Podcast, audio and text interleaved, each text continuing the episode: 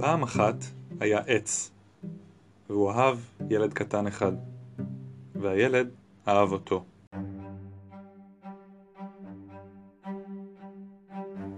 וכל יום הילד היה בא ואוסף את העלים של העץ, ועושה מהם כתרים, ומשחק במלך היער. הוא היה מטפס על הגזע, ומתנדנד לו על הענפים, ואוכל מתפוחיו הטעימים של העץ. וכשהילד היה מתעייף, הוא היה נרדם בצילו של העץ. והילד מאוד אהב את העץ, והעץ אהב את הילד. ושניהם היו מבסוטים שמצאו איש את עצהו. הזמן חלף לו, והילד הלך וגדל. לעתים קרובות, העץ נשאר לבדו. אבל העץ לא התבאס על הילד. משום שהוא לא היה עץ פולני, והבין שהילד עסוק. העץ ידע שהילד יבוא בסופו של דבר. ככה זה עם ילדים טובים. ואז, יום אחד, הילד, שכבר הספיק להפוך לבחור צעיר, הגיע. והעץ היה מבסוט, כי הוא שמח על תחושת הגזע שלו. תחושת הגזע מעולם לא משקרת. העץ אמר,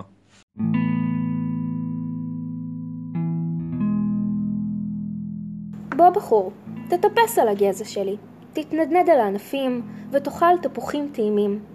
אם זה לא מתאים לך, אתה יכול גם לשבת מתחת לענפיי וליהנות מהצל. העיקר שתהיה מבסוט.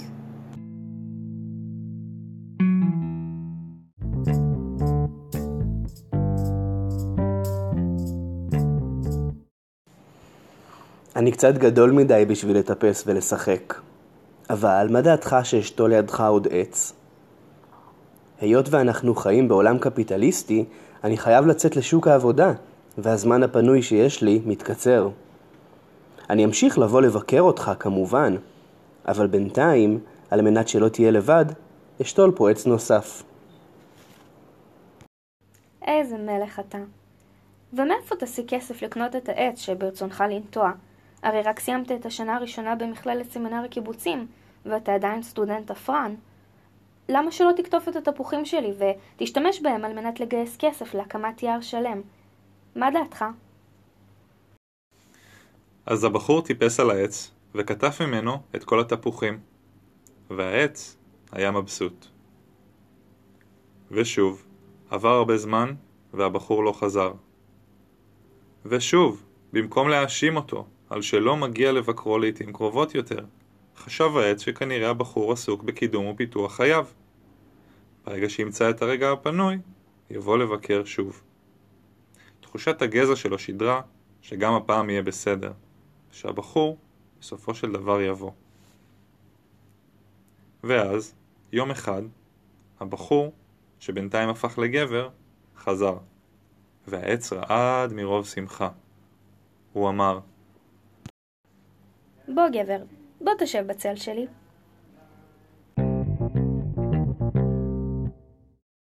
האמת היא שיש לי בשורות טובות. מאז הפעם האחרונה שהייתי כאן, הרמתי קמפיין למימון המונים במכללת סמינר הקיבוצים. הקמפיין הצליח בענק ומכרתי את כל התפוחים שלך. מחר יגיעו לפה מאות מתנדבים, תורמים וחקלאים על מנת לנטוע פה יער שלם.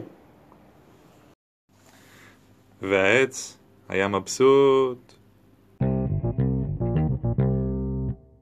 ושוב, הגבר הלך ולא חזר הרבה מאוד זמן. וכשחזר, העץ היה כל כך מאושר, שהוא כמעט קיבל התקף גזע. בהתרגשות גדולה הוא אמר בוא גבר, בוא תראה איזה עולם מופלא יצרת כאן. והגבר נעמד מתחת לעץ והסתכל סביב אל היער הענק שנגלה לפניו. מאות חקלאים ומתנדבים שונים טיפחו את היער ונתנו תשומת לב לכל עץ ועצה. הגבר הסתכל אל העץ וחייך. תגיד, אתה חושב שחבריך העצים יאפשרו לנו גם לקטוף מפירותיהם? דיברה איתי יזמית שרוצה להקים שוק של פירות שיגיעו אל תושבי האזור בלי לעבור ברשתות המזון. היא דיברה על תנועה עולמית שנקראת מהחקלאי אל הצלחת. היא אמרה שבגלל הקורונה מצב האבטלה בשמיים והיער יוכל ליהנות מעוד ידיים עובדות.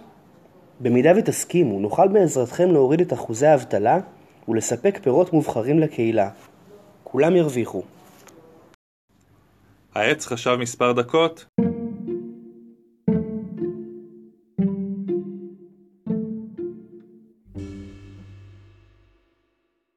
ואז ענה.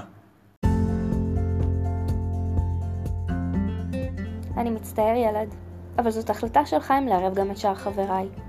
כל החיים אתה הולך וחוזר עם רעיונות נפלאים, כאלה שמפתחים את הטבע, משמרים אותו, ויוצרים מאות מקומות עבודה לקהילה שלנו.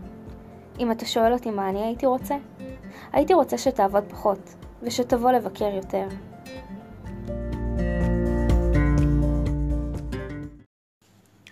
דמעה זלגה על לחיו של הגבר. האמת? לא חשבתי על זה.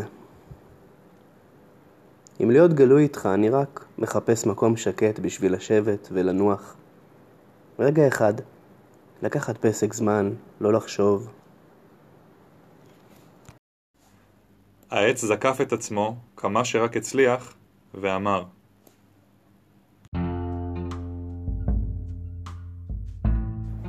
עץ זקן תמיד יהיה מקום שקט בשביל לשבת ולנוח. בוא ילד, שב ותישען עליי.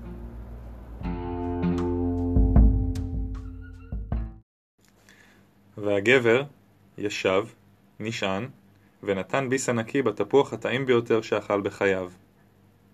והעץ, העץ היה מאושר.